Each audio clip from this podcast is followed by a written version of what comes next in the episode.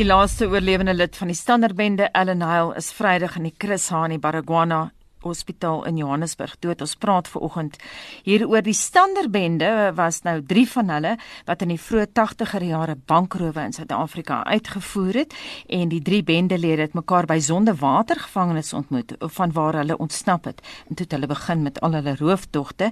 Stander 'n oud polisieman is in Februarie 1984 in Fort Lauderdale in Amerika deur die polisie doodgeskiet. McCall is in Januarie 1984 in Johannesburg doodgeskiet. Nou hy het na Engeland gevlug vlug waar hy in 1985 tot 9 jaar tronkstraf gevonnis is weens bankrowe daar. Hy is in 1991 aan Suid-Afrika uitgelewer om verhoor te word en is gevonnis en hy is toe in 2005 op parol vrygelaat. Ons gesels nou met 'n goeie vriend van Hyl, die bestuurder van nagraadse studentewerwing en bemarking aan die die, die Noordwes Universiteit in Potchefstroom, Pieter Modder. Pieter, goeiemôre. Môre Gustav, môre Anita. Môre. Hoe het jy en Ellen vriende geraak kort nadat hy toe nou op parol vrygelaat is in 2005? Hy moes natuurlik eers uh, toestemming gekry het by die gevangenisowerheid om uh, jy weet sy inkomste aan te vul en en uh, hy het begin om motiveringspraatjies te lewer en uh, hy was absoluut die meester daarin en sy heel eerste praatjie was uh, die Vrystaat Rugby Unie destyds vir hom gekry om te gesels in Bloemfontein en uh, ek het die gesprek daar gefasiliteer en hy was absoluut uitstekend, jy weet tweetalig, uh, hoewel hy Engels groot geword het, maar uh, hy kon gehore boei en en so het ek en hy begin saam toer en uh, jy weet uh, die land deur uh, vol getoer en ons vriendskap het net daarvan af gegroei.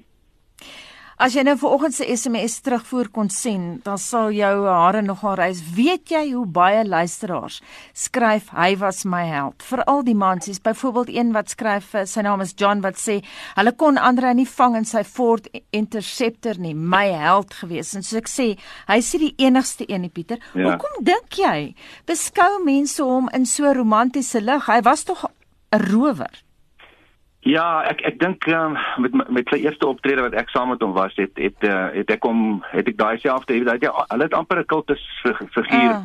uh, geword of figure en en ek het ook gesê jy weet hoe ons as studente jy weet uh, altyd gelag en en uh, dit was vir ons snaaks geweest hoe hulle die polisie ontduik het en hy was so ontsteld geweest en daarna het ek dit nooit weer probeer nie hy het, hy het my eintlik regtig weer vingers getik want hy hy hy was 'n baie plat uh, op die aarde nederig en uh, mens en baie hoogs intelligent, jy weet. En ek dink die mense het hulle deur die jare gesien as die sogenaamde good crooks omdat jy weet omdat hulle omdat hulle nooit uh, daar was nooit iemand wat wat dood is en hulle aanval nie en en hy was baie baie skaam oor wat hulle gedoen het. Hy hy het nooit daaroor gespok nie, jy weet. Hy sou in sy praatjies in detail verduidelik het hoe hy en Standard en McCall destyds, jy weet, hulle misdade beplan en uitgevoer het, maar die hele tyd het hy daarna verwys dat hierdie sogenaamde onbesonde dade wat hulle aangevang het. Jy weet, hy was regtig hy was diep daaroor uh, teleurgesteld ook geweest. Ek en ek dink die sogenaamde aanhang wat hulle geniet het net omdat niemand dood is nie. Dit het hom nog verder ontstel en gegrief, jy weet, want hy hy wou nooit as 'n held gesien word nie. Hy het ook onmiddellik reggestel, uh, jy weet, as hy begin het met praatjies en en mense toegespreek het, gehoor het toegespreek het en en dan het hy die daardie feite reggestel. Nou Pieter, jy het nou baie tyd saam met hom spandeer soos jy sê in 'n kar en baie met hom gepraat. Het hy oor die misdade met jou gepraat? Ja, hy kon in detail dit vertel het, jy weet en en uh, en agterna hoe hy jy weet uh, uh, hulle het hulle het wel gespog teenoor mekaar as hulle klaar was en hulle het reg mhm. gekry het en suksesvol was. Maar ehm um, jy weet dit het hom so gegrief dat hy dat hy so uh, rustig kon raak daaroor en en uh, hy was soos ek sê hy het in in die laaste 15 jaar ehm um, elke keer jy weet uh, hy wil hy wil hê mense moet hom vergewe. Hy het die hele tyd daai daai nederigheid in hom gehad dat mense hom net vergewe vir die vir die slegte invloed wat hy op op baie mense gehad het. So waar daai verandering gebeur dink jy? Ek dink in die tronk, hy het regtig um jy weet veral in in Brittanje, um hy sê hy is ontsettend goed behandel. Hy's hy's baie menswaardig daar behandel en en hy het uh, hy het, hy het ook 'n ambag voltooi daar. Hy het verder begin studeer en en uh homself bekwam en in in daardie tyd um het hy regtig 'n omeswaai gemaak. Jy weet uh en en toe hy teruggekom het, het hy het hy geweldig baie gedoen ook by Sonderwater vir die laaste paar jaar wat hy daar uh, deurgebring het en hy's in 'n stadium as hy in die laaste paar jaar was hy ook opsigter geweest. Hy was mal oor cricket en en rugby en hy was die cricket opsigter of die baan opsigter. Hy het die golfblaaie voorberei en dit het vir hom weer iets in die lewe gegee en hy het geweldig baie aan ander gevangenes uh, se se lewens verskil gemaak in terme van jy weet dat hy hulle ook opgelei het en en vaardighede geleer het, maar ook bietjie met hulle menswees en filosofie en die dinge, jy weet. Ek kan nou vir jou SMS uh, lees wat ons van Johan gekry het Pieter. Hy sê ek was as skoolier baie bevoordeel om saam met Andre Stander vir 4 jaar, dis nou tussen 61 tot 64 in dieselfde klas te wees. Hy het net altyd gelag, maar ek sal nooit vergeet hoe hy penne by die skryfbehoefte winkel voor skool in sy baadjie se mou laat klip het en dan ewe rustig uitgestap het. So skryf uh, Johan. Nou daar's baie SMS'e in hierdie trans ek gesê het vroeër ek wens jy kon almal lees en sien ja. want hy definitief 'n soort van heldstatus. Het hy hm. ooit vir jou tydens daai lang gesprekke gesê hoekom hy dit gedoen het? Hy was baie depressief. Um jy weet hy het ges, uh, gestudeer by Bloemfontein Onderwys College en uh, hy was 'n baie baie skrander. Um ek sê dit weer, hy was hoogs hoogs intelligent geweest en uh maar maar sekere goed het hom altyd net geplan. Hy het baie gepraat oor dat hy selfs op op uh, skool ook omdat hy jy weet uh, stil en rustig was en en uh, het het uh, van die groter seuns het hom het hom baie geboelie. En ek hmm. dink sy cricket was 'n tipe van 'n uitlaatklep ook geweest. En op daai manier het hy vir my baie vertel van jy weet uh, hoe hy te nagekom is en dat hy baie oggend as hy opstaan is hy net nie lus vir die lewe geweest nie. En en dit het hom jy weet hy het begin mismoedig voel en hy het nie meer geld gehad nie. Hy het sy werk verloor. Hy het baie goeie werk gehad by 'n by 'n handelswinkel en op die ou ende het hy het hy toe begin uh een oggend uh, toe hy die eerste keer dit gedoen het en dit maklik gelyk het, ehm um, het hy elke keer maar weer teruggeval daarop dat as hy in die moeilikheid is en as hy depressief is en as hy nie geld het en hy's honger dan om terug te val om die uh om die bankrowe uit te te oefen. Dink jy het nader aan trots geraak op die manier hoe hy dit kon regkry? Ek dink nie so nie. Ehm um, ek dink die die feit dat hy en en en Andre hulle hy het 'n uh, amper 'n helde verering vir vir Andre gehad. Hmm. En die feit dat Andre baie keer, jy weet, vir hom oortuig het om om dit nog een keer te gaan doen terwyl hy eintlik in 'n stadium genoeg uh, geld gehad het. Ehm um, dit het hom nogal, jy weet, ook ontstel, maar hy het maar elke keer daarvoor geval, maar soos ek sê, hy was hy was regtig, hy was dit was nooit vir hom 'n uh, iets waaroor hy kon trots voel om in te stap met 'n speelgoed revolver. Hy sê byvoorbeeld een van die bankrowe wat hy gedoen het, het hy alleen ingegaan sonder 'n revolver en jy weet net uh, gemaak asof een in sy sak is en en agterna het hy net gesê weet die ontsteltenis wat by die by die banktellers en die mm -hmm. personeel was was vir hom nogal agterna iets wat hy nie van gehou het nie. Hy was sekerlik 'n man met sterk senuwees. hy moes, maar hy het so sagte hart gehad. Ja, jy weet hy was verskriklik nederig en ek ek sê altyd jy weet die hy, hy het so dankbaarheid veral vandat hy uitgekom het. Soveel dankbaarheid teenoor uh medemense gehad. Jy weet ons ons het mekaar altyd op Kersdag gebel en dan uh een spesifieke Kersdag wat ek kan onthou so 2, 3 jaar terug was hy so opgewonde dat uh maar ek het hom gevra wat doen hy? En toe sê hy hy gaan na een van sy oud gevangenes maats toe wat hom genooi het om uh, saam met hulle gesin deur te bring in 'n jy weet 'n tipiese sogenaamde township. En en hy was so opgewonde dat hy en kon uitsien na al die tradisionele disse en die koste wat hy sou kry jy weet so dis ook om sal onthou jy weet. Ja, iemand wat wou teruggee aan die gemeenskap omdat omdat hy hulle teleurgestel het maar ek dink hy, hy het nooit self al die geluk en die vreugde geniet uh, wat hy die laaste jare regtig verdien het nie. Nou Pieter het vinnig verwys daarna vroeër. Jy het hom voorgestel aan aan die Cheetahs en ook aan die Bloemfontein se Harley Club. Uh, dis mense wat hom na in die hart gelê het, né? Yes, hy was hy was verskriklik uh lief vir vir motorfietsse. Uh en veral die motorfietsklub in in uh die Harley Davidson klub in Bloemfontein. En hulle het 'n baie groot uh jy weet bydrae gelewer om om hom ook in swaar veral finansiële tye te dra. Um Ek dink sy grootste hoogtepunt was wat seker na sy Vrydag ding die feit dat hy op die Vrystaat stadion uh met sy Harley Davidson deel van daai vooraf seremonie was wat 'n erewag vir die Cheetahs vorm wat hulle nou ophardloop. En uh hy het so skoon uh, skaam gekry as hy so opgewonde begin vertel het oor daardie gebeurtenis. Hy sê dit was dit was regtig die groot hoogtepunt in sy lewe. Hoe was sy verhouding met sy pa? Nie baie goed nie. Um en ek dink uh jy weet agterna op die ou einde um, hy skryf dit ook in sy boek. Um, hy hy het agterna um, baie van sy familie ver, vervreem geraak omdat hy hulle jy weet teleurgestel het en en uh, en hy het baie skuldig daaroor gevoel. Jy weet uh, hy het baie keer gesê as hy sy lewe kon oor hê sou hy sou hy baie kon werk aan daai aan daai verhoudings. Baie dankie. Ons het vanoggend gesels met 'n baie goeie vriend van Ellen Hale, Pieter Miller. En vir luisteraars wat daai nuus gemis het dalk oor die naweek, is dat Ellen Hale is dood Vrydag aand in Johannesburg. En ons lees nog terug voor ek moet sê Gustaf, uh, ons was 'n bietjie oorval vanoggend hmm. en baie van die terugvoer oor Ellen Hale is baie positief. Mense wat hom beskou as 'n held. En dan Dewald van Sail skryf, uh, Andre Stander was in die polisie saam met my pa op Kokstad. Hy het baie by ons aan huis gekom en ons as kinders het hom bewonder omdat hy altyd 'n storie vertel het. Hy was baie intelligent geweest. Dewald, jy is nie die enigste persoon wat verwys na sy intelligensie vanoggend nie.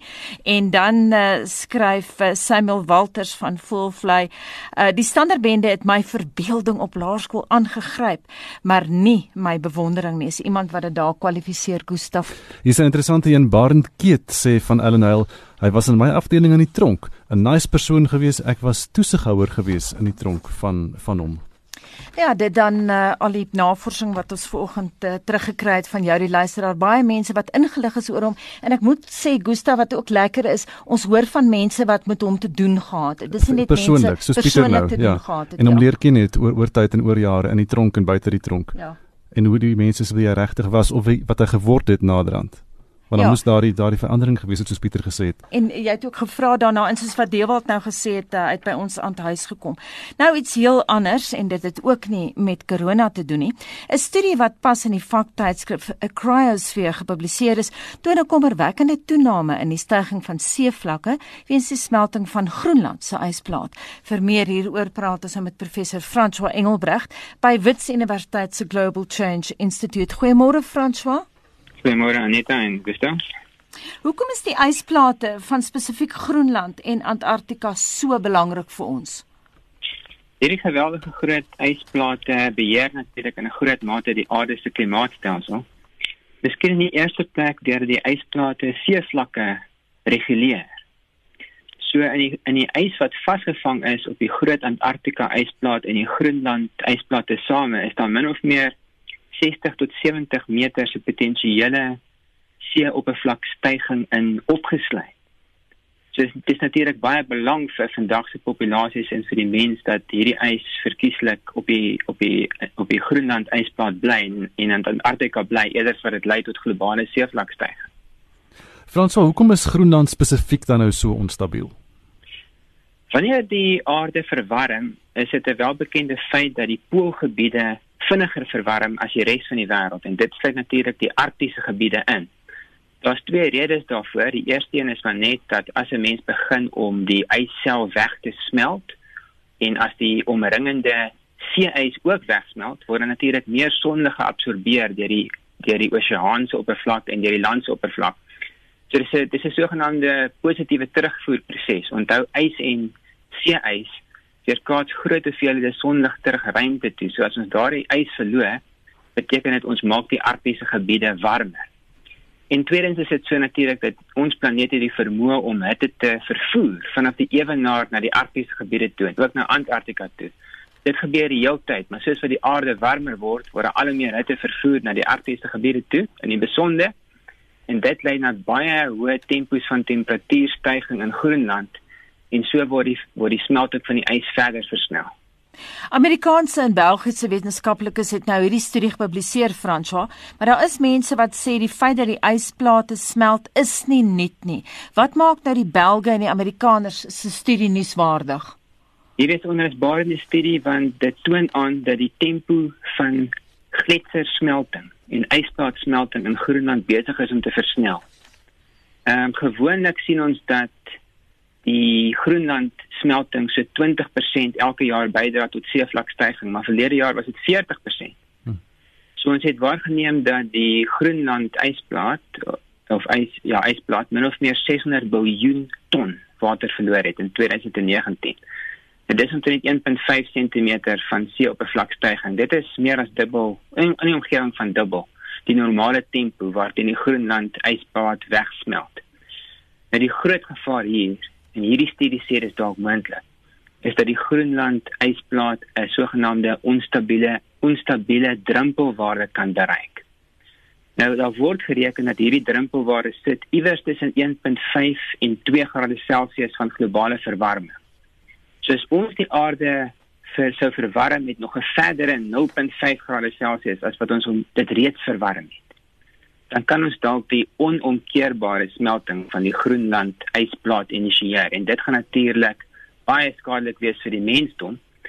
In die Groenland ysplaat spesifiek sê daar omtrent 6 meter potensiaal van seevlakstygings in opgesluit. Dit sal natuurlik honderde jare neem om die Groenland ysplaat heeltemal te smelt, maar hierdie studie sê vir ons ons is dalk baie nader aan die drempelwaarde om die proses te begin as wat ons ooit gedink het. Frans, wat dit gaan hierdie net oor aardverwarming natuurlik. Nie verduidelik vir ons die die kwessie oor die veranderende atmosferiese sirkulasiepatrone. Ja, so klimaatsverandering gaan natuurlik oor die proses van globale verwarming in die eerste plek, maar dit gaan ook oor die verandering in sirkulasiepatrone of weerstelsels reg oor die wêreld. En in die noordelike halfrond en die suidelike halfrond is daar verskille, maar daar's ook ooreenkomste in wat aan die gebeur is. En een van die belangrike ooreenkomste is dat in die sogenaamde middel tot hoër breedtegrade kry ons nou meer gereeld die vorming van groot hoëdrukstelsels. En wanneer groot hoëdrukstelsels vorm, soos Suid-Afrikaners ook sal weet, onderdruk hierdie weerstelsels natuurlik wolkvorming. Nou dit was ook in 2019 in die besonder die geval oor Groenland. En oor die laaste paar dekades is daar so 'n tendens te bespeur oor Groenland. So wat dit natuurlik beteken is minder wolke beteken nog minder sneeuval oor Groenland. Dit dra dan ook natuurlik by tot die proses van ysplaatverdunning want as daar minder sneeu val is daar nog minder 'n vermoë om sonlig te weerkaats terug ruimte toe. So son, so sneeu is natuurlik ook baie baie goed daarmee om sonlig by die oppervlak tref te weerkaats terug na die ruimte toe. Maar sonder die sneeu kan dit nie gebeur nie. En dit versnel dan die verwarmingsproses oor Groenland nog verder. Ons praat ver oggend met professor François Engelbrecht by Wits Universiteit se Global Change Institute. François, jy het nou nog gepraat van drempelwaardes. Wat is die verwagte seevlakstygings teen die einde van die 21ste eeu? Die interregeringspaneel oor klimaatsverandering se amptelike skatting en dis nou terug in 2014 is vir 'n seevlakstyging iets tussen 50 cm en 1 meter teen die einde van 2001. Maar sedertdien het ons nog meer geleer oor wat spesifiek hoe die hoe die smeltingsproses in Groenland werk. En ook het ons bewyse gevind dat in die Antarktiese ysplaat die smeltingsproses ook aan die versnel is. So daar is intussen studies gepubliseer wat sê dat hierdie seevlakstyging soveel as 2.1 meter, dalk selfs 2.7 meter kan wees teen die einde van die van die 21ste eeu.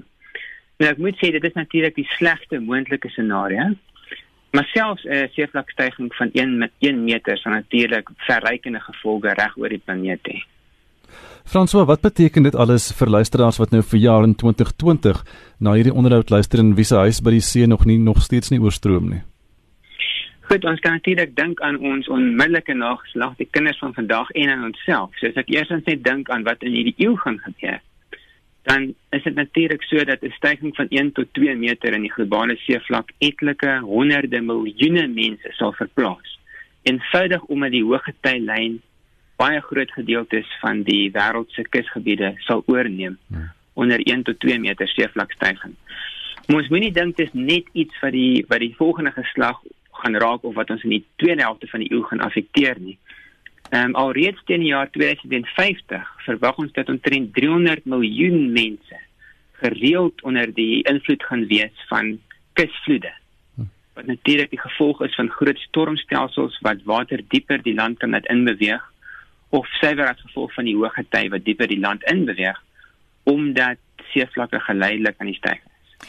So eiendomme aan die kus dalk nie meer so gesog nie. Ja, mens kan ook so stelling in die algemeen maak. Ons kan dan ook sê dat een van die voordele wat Suid-Afrika het, is as dit vergelyk met baie ander dele van die wêreld, is ons kuslyn nogal styf. So daar is gebiede van Suid-Afrika wat ook kwesbaar is hmm. vir vir seevlakstygings, maar hierdie hierdie risiko word natuurlik baie groter as ons noordwaarts beweeg aan die kus van Mosambiek waar daar baie breë kusvlakte is en waar die kusgebiede ehm um, aansienlik meer kwesbaar is vir die invloed van seevlakstygings. Franso, wat kan 'n mens doen? Is daar nog 'n manier om hierdie seevlakstygings om te keer om die ysmelting by Groenland stop te sit? Wel die aarde is verbind tot verder verwarming. Ons kan nie net die proses van globale ver verwarming oornag stop nie ongelukkig.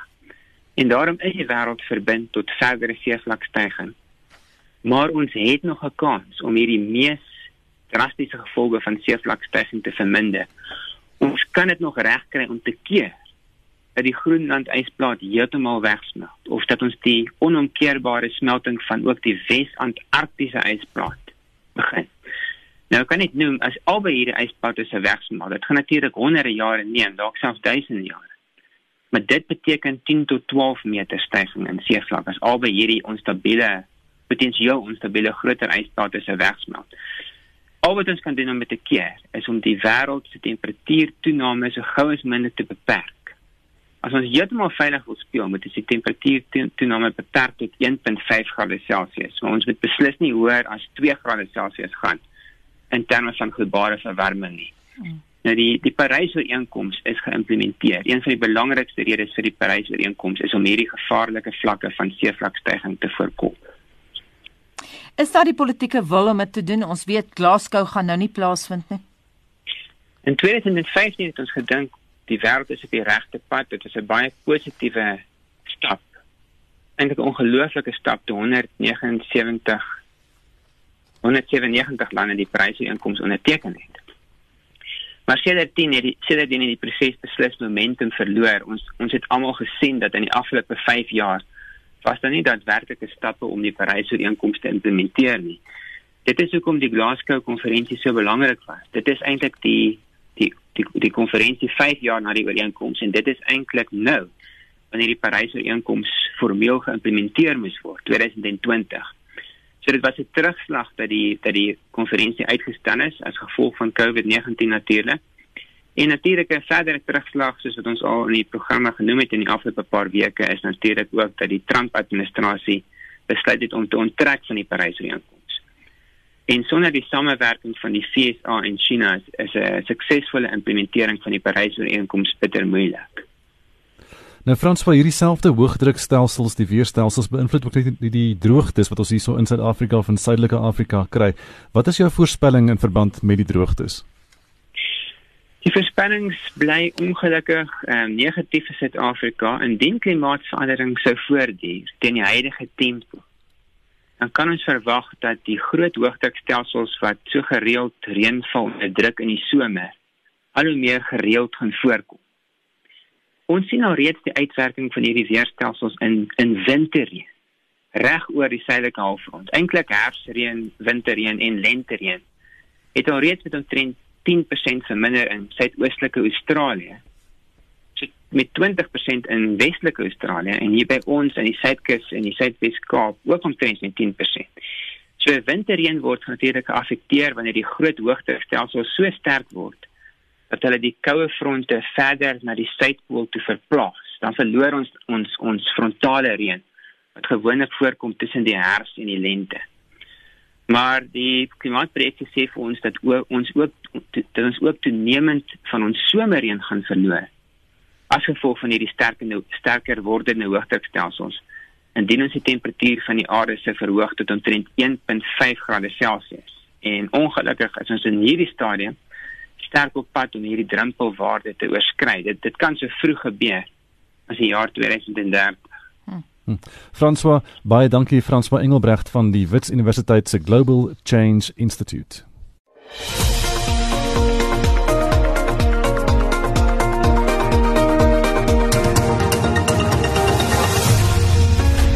Dis 26 minute voor 8 jy luister na Monitor op RSG en ons het vroeër berig dat die burgerregte organisasie Solidariteit hom tot die hof gaan wend om die regering oor sy noodfonds aan te vat.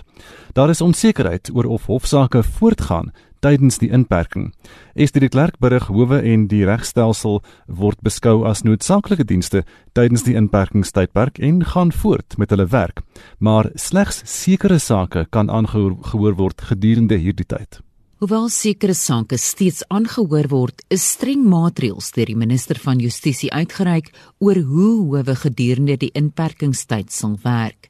Die Hooggeregshof en Landdroshof moet aan dieselfde reëls voldoen. Die algemene beginsel is dat slegs dringende en noodsaaklike sake aangehoor sal word.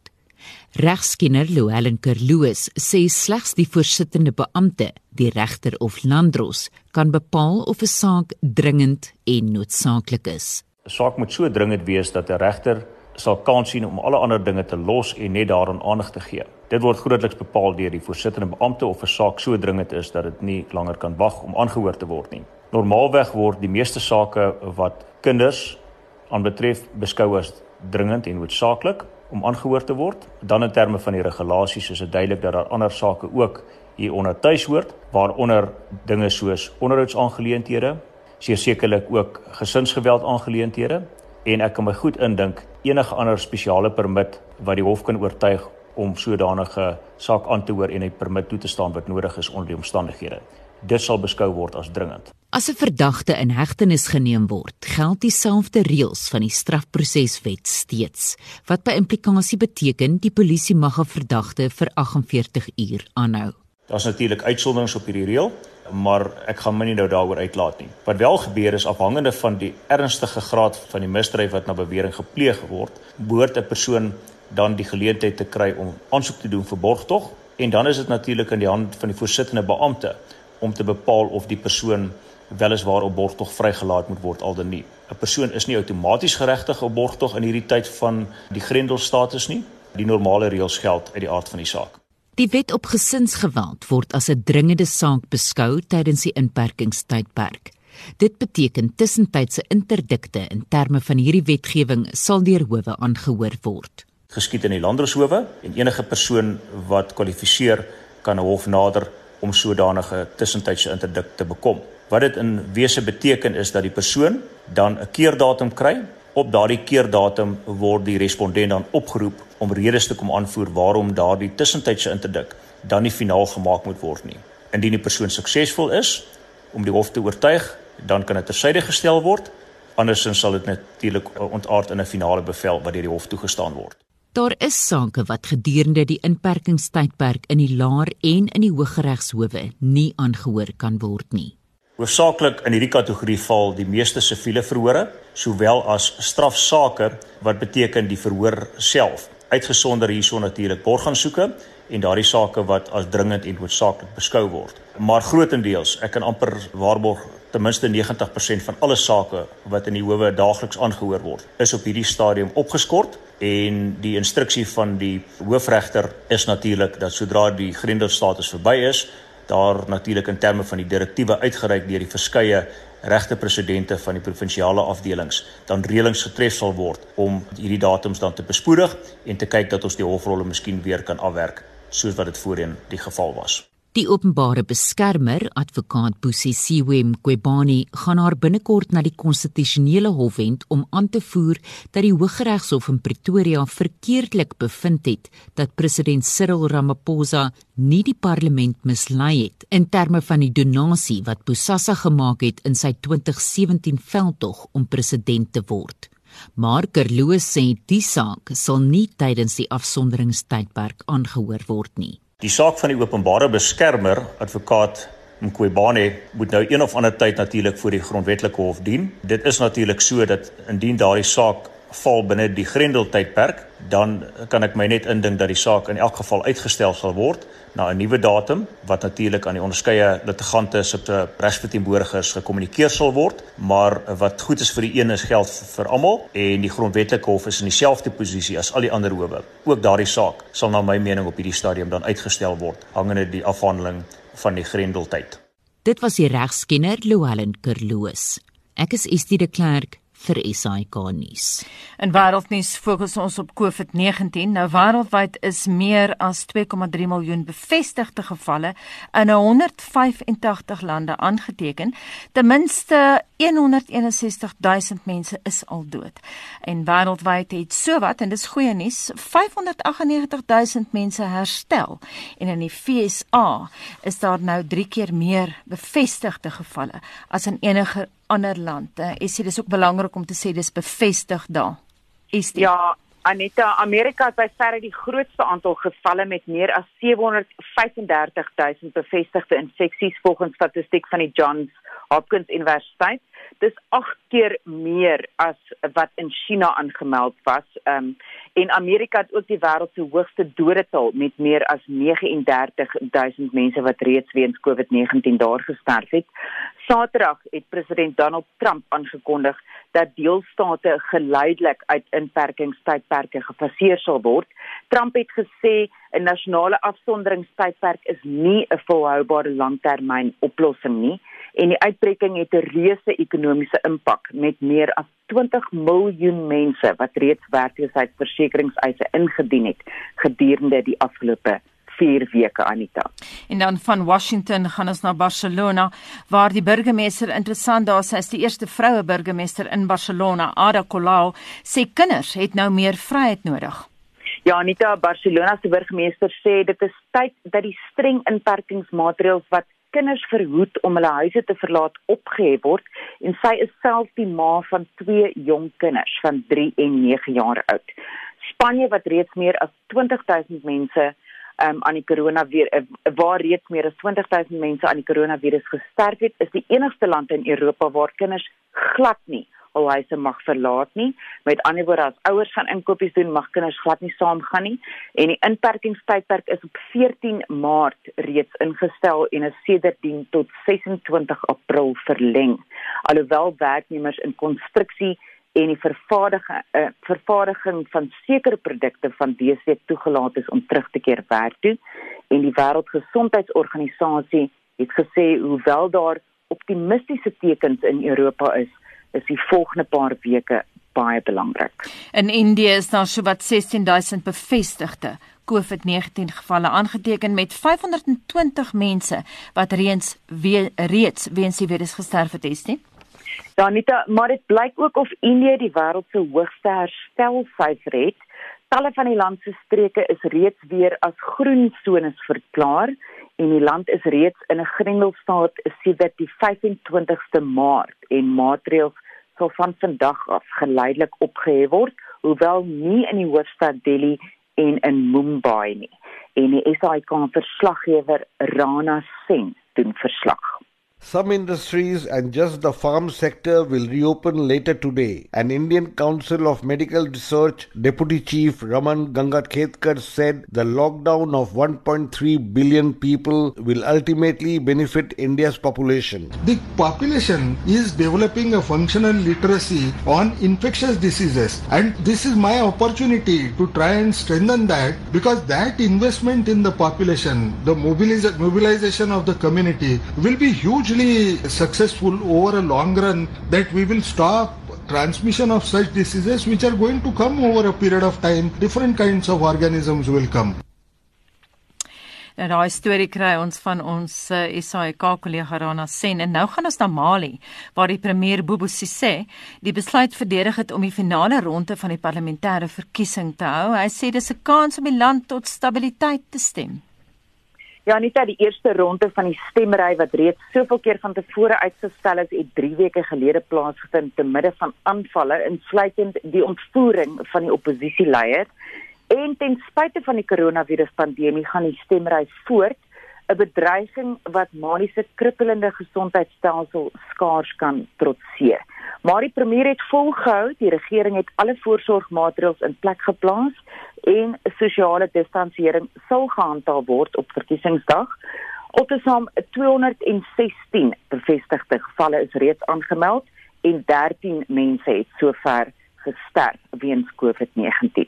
Die verkiesing moes reeds in 2018 plaasgevind het, maar is 'n paar keer weens onsekerhede uitgestel en die weermag voer reeds sedert 2012 'n stryd teen militante in die noorde. En dan Anita nuus wat net 'n klein rukkie terug gebreek het. Daar was 'n massa skietery in Montreal in Kanada. 'n Verdagte wat 'n nagemaakte polisievoertuig bestuur het, het 16 mense doodgeskiet. Die ergste massa skietery in Kanadese geskiedenis. Die 51-jarige verdagte is na 'n 12 uur lange soektog deur die polisie doodgeskiet en onder die slagoffers is 'n 23-jarige vroulike polisiekonstabel terwyl nog 'n polisielid gewond is en dis dan al vandag Anita. Baie dankie vir daai vars nuus. Dit was Essie de Klerk met wêreldnuus gebeure.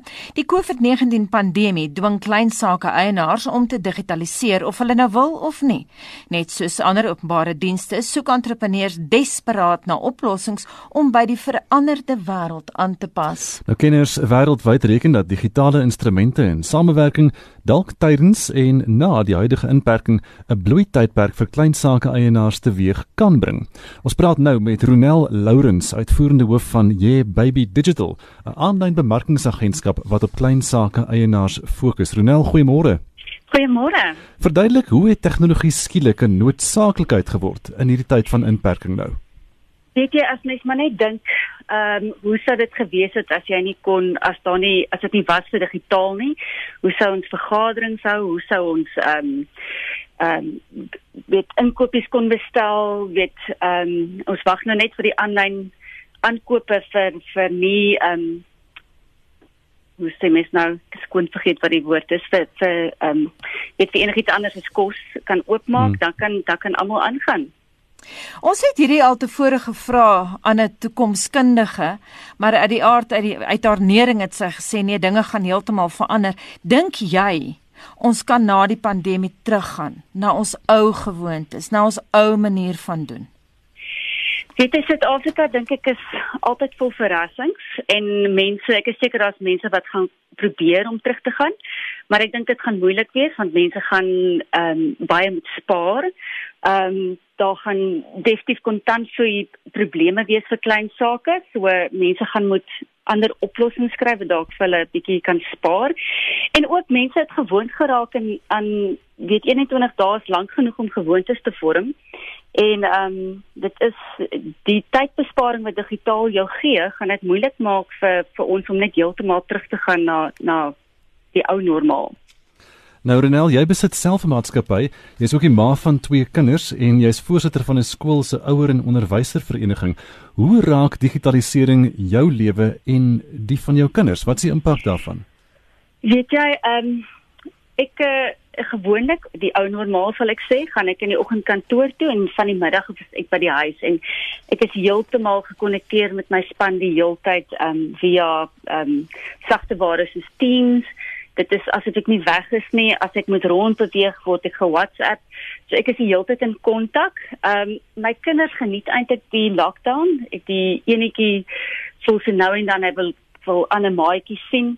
Maar vir 'n tiener wat graag 10 uur wil opstaan en liewer tot 5 uur of 11 uur aand werk ehm um, pas dit eintlik soos 'n handskoen om eerlik te wees. En ek ek hoop eintlik skole gebruik die tyd om om 'n bietjie te dink aan aan hoe hulle dinge anders kan doen. Jy weet, kan kinders later begin dan hulle een dag of twee dae in die week van die huis af werk. Kyk, dit sou alles eintlik nogal interessant wees en en 'n goeie ding wees vir ons. Ronel het COVID-19 reeds die DNS van klein sake verander want ek kry die indruk dat sekere tegnologie skielik in die hoofstroom is. Weet jy op die stadium is dit seker nou baie kommunikasie tegnologie soos ehm um, Zoom en Teams en ek gooi sommer WhatsApp ook in daarbey en en so aan dinge wat jou help om om te kommunikeer en aan die gang te bly. Ehm um, maar soos ek sê sodra sodra ons kan e-commerce weet ehm um, gebruik vir vir afleweringe. Ek verstaan die die klerebedryf gaan dalk een van die dae ehm um, oop gaan vir ons om bestellings te plaas, dan gaan dinge weer baie anders weer baie anders lyk, like, ja. Nou jy ervaar ook dat die pandemie die karaktertrekke van jou kliënte verander het, sê jy so. Hoe hoekom is dit so? Ehm um, weet jy hulle benodig meer oplossings as net digitaal. Ek sê altyd mense praat nou van digitaal, maar eintlik is dit 'n heeltemal 'n ander manier van dink, 'n ander manier om jou kliënt te benader. En ehm um, ek dink voor die pandemie was dit selfs vir my soms 'n frustrasie dat dat uh, mense besef nie hoe min tyd het ouers en hoe min tyd het mense in hulle dag nie. en wat digitaal doen is dit koop vir jou tyd en as jy tyd het is jy 'n gelukkiger mens. So ek dink na die um, weet veral nou na die pandemie gaan mense moet kyk hoe kan jy met minder rakspasie werk? Hoe kan jy vir jou kliënte tyd spaar? So so ek moet oplossings vind vir kliënte en vir hulle kliënte. Um hoe om um weet hoe om vir jou, jou alles veel makliker te maak. En hierdie is nie nuwe dinge nie. Hierdie is dinge wat al lank al op pad is en die die pandemie het dit nou eintlik net um weet vinniger gemaak. Ronel net laasens en kort asseblief watter raad het jy vir ons luisteraars vir klein sake eienaars wat digitaal wil probeer na digitaal wil oorskakel? Weet jy ek het so 'n lys van vrae wat ek um, altyd vir mense vra en dit is dingetjies soos weet weet hoekom jy bestaan. Ehm um, as 'n besigheid kan jy nie net bestaan om geld te maak nie. Jy moet weet wat jy vir jou ehm um, wat jy vir jou kliënte bied. Ehm um, jou eerste en dan moet jy gaan dink hoe kan jy dit vir hulle makliker en beter maak en ehm um, vir jouself moontlik ook geld en tyd spaar daardeur en dan gaan soek jy vir die digitale um, gereedskap of sagte ware wat daar buite is om om hierdie nuwe besigheidsplan of hierdie manier nuwe manier van dinge doen um, vir jou te help uitvoer. So soos ek sê, digitalisering klink beskiklik um, techie en dit is maar eintlik gaan dit meer oor oor menslikheid en empatie vir jou vir jou um, kliënte. Nou jy dit aan almal verkoop. Baie dankie. So sê Ronel Lourens, daai raad kom ook van haar. Sy is uitvoerende hoof van Yeah Baby Digital.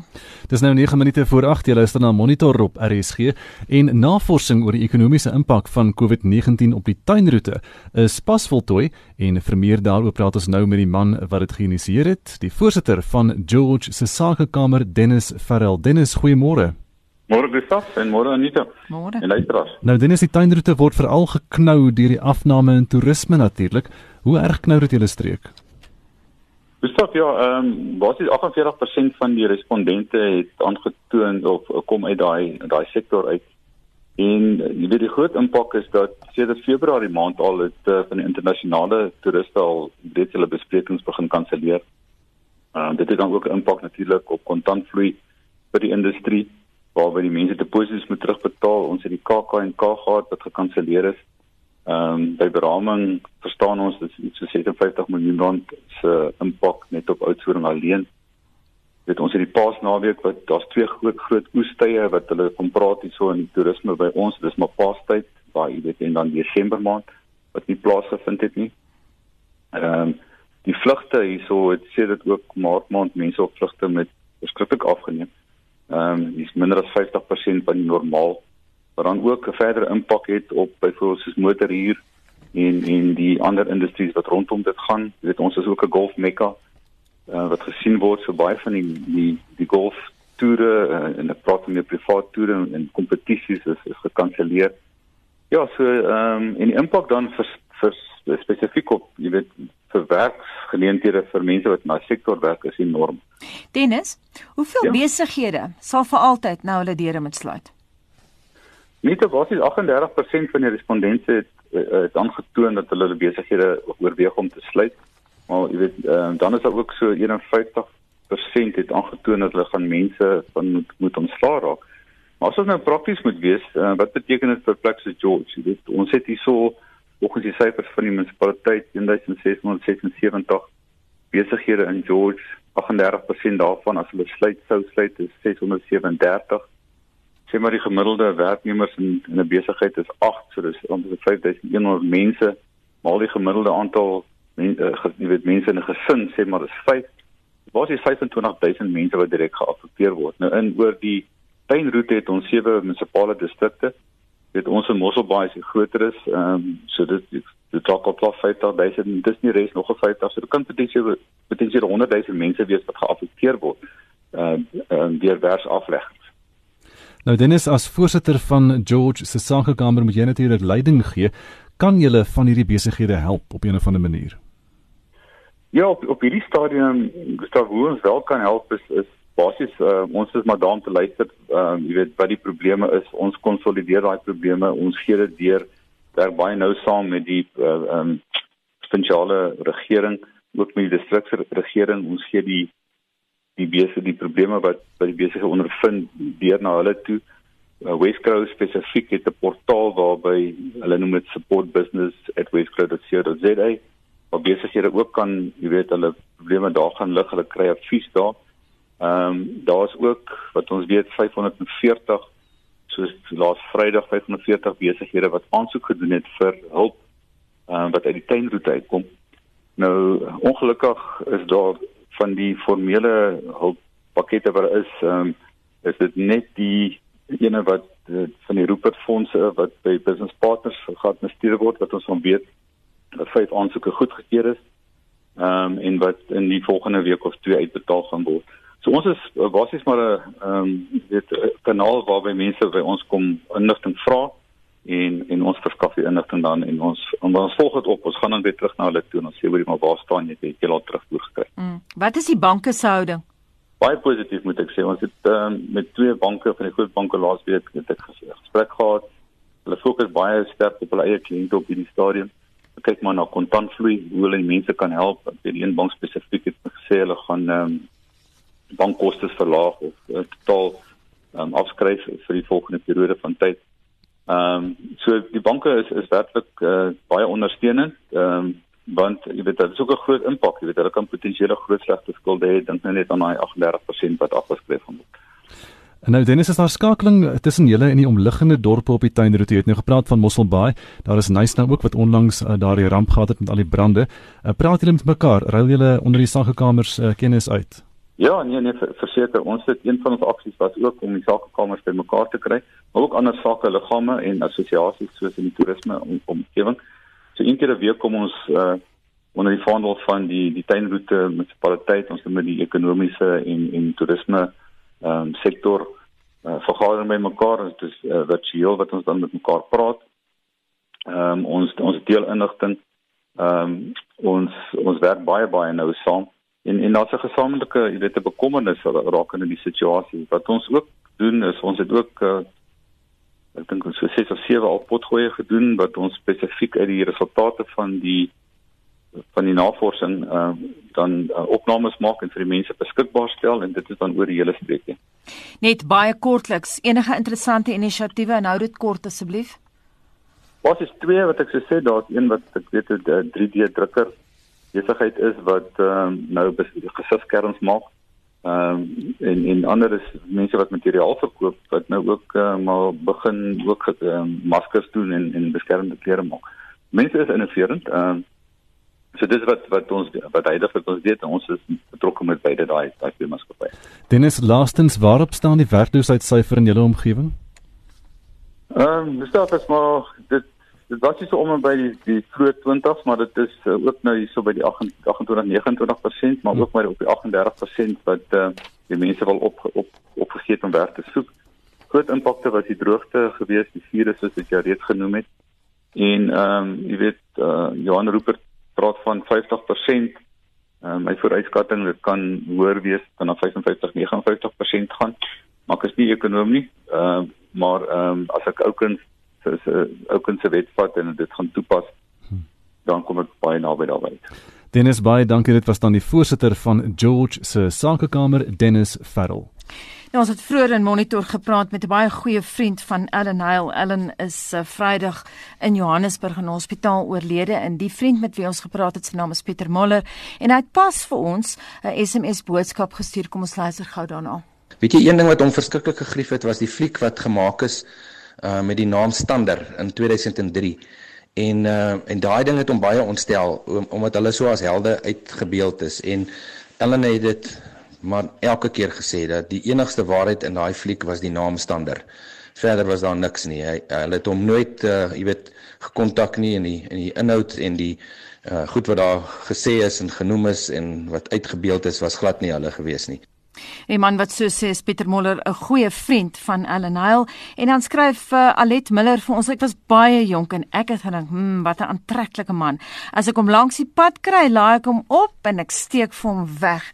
En dan wil hy my hart wat skryf die tonnelroof in Kreersdorp bly 'n raaisel verstommend Gustaf hoe baie mense vir Ellen Hale en wat die standaard bende so hmm. goed onthou en al die staaltjies vertel. Geweldig baie herinneringe Hans Juri Boelman sê ek was in die laerskool. Op daardie tydstip het ons in die Drakensberge naby Winterton gewoon.